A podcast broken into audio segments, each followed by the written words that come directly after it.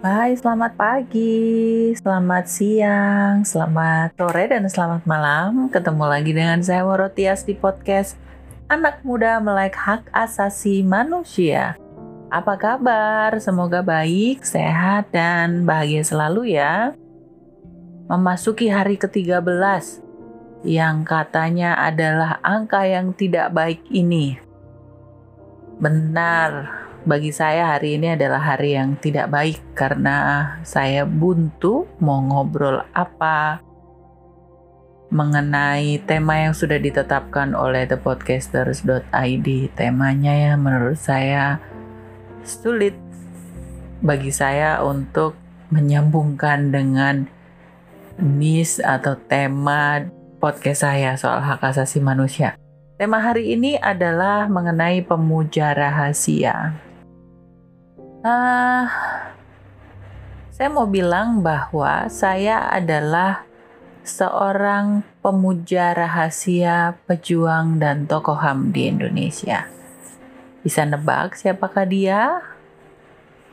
Ya, dia adalah Presiden keempat Republik Indonesia, Abdul Rahman Wahid, atau populernya disebut Gus Dur. Kenapa saya jadi pemuja rahasianya Gus Dur? Saya nggak punya kesempatan untuk berinteraksi langsung dengan Gus Dur saat Gus Dur masih hidup. Saya juga bukan siapa-siapa yang bisa menjangkau Gus Dur yang saat itu jadi presiden ataupun setelah jadi presiden. Dan kenapa saya kemudian fans berat Gus Dur secara diam-diam? Karena Gus Dur ini adalah orang yang sangat egaliter bagi saya banyak sekali cakrawala-cakrawala kemanusiaan perspektif HAM di Indonesia ini dibuka oleh Gus Dur. Salah satunya apa? Salah satunya saat Gus Dur mengusulkan dicabut TAP MPRS nomor 25 tahun 66 soal pembubaran Partai Komunis Indonesia dan pelarangan penyebaran ajaran Marxisme, Komunisme, dan Leninisme. Selain itu, Gus Dur ingin bahwa Indonesia meminta maaf kepada para korban tahun 65 yang keluarganya banyak ditahan tanpa proses hukum, yang keluarganya banyak dibunuh tanpa juga ada proses hukum. Tetapi hal itu tidak mendapat sambutan yang baik ya di Indonesia. Kemudian Gus Dur meminta maaf sebagai seorang Nahdlatul Ulama, meminta maaf atas peristiwa yang saat itu menjadikan banyak kader Nahdlatul Ulama bermusuhan dengan kader-kader Partai Komunis Indonesia. Selain itu yang saya tahu adalah Gus Dur adalah seorang pribadi yang sangat tidak diskriminatif kepada komponen anak bangsa.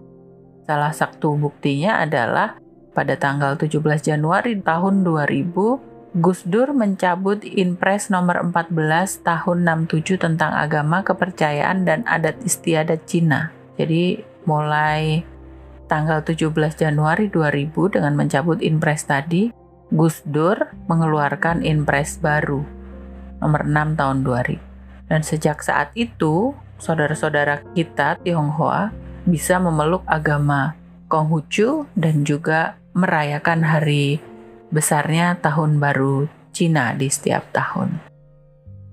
Selain itu yang saya tahu Gus Dur juga pernah menjadi salah satu ketua paguyuban waria Indonesia.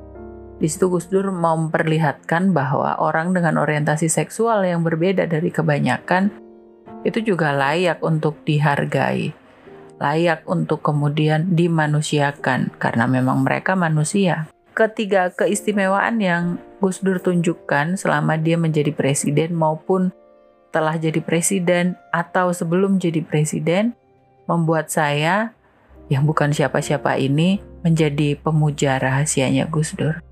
Saya senang sekali berkesempatan berkenalan dengan ibunya Sinta Nuria dan anak-anaknya dari situ saya makin mengagumi Gus Dur dan kenapa pengagum rahasia ya karena susah sekali juga ini diungkapkan dan akhirnya karena podcast ini saya jadi bukan pemuja rahasia dari Gus Dur sendiri gitu. Hari ini saya declare bahwa saya adalah pemuja Gus Dur.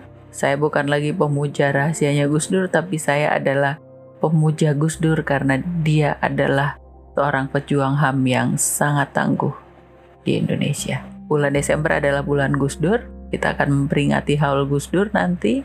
Dan semoga Gus Dur tenang di haribaan bersama Tuhan yang Maha Kuasa. Kawan-kawan muda, kalau dalam waktu senggang, carilah informasi sebanyak-banyaknya mengenai Gus Dur, pikiran-pikiran Gus Dur, pokok-pokok pikiran Gus Dur, apa yang Gus Dur lakukan terhadap bangsa ini, apa yang Gus Dur persembahkan terhadap bangsa ini. Agar sebagai anak muda yang melek HAM, kita bisa meniru apa yang Gus Dur telah lakukan bagi bangsa Indonesia. Terima kasih sudah mendengarkan podcast ini. Anak muda melek ham, siapa takut dan pasti keren.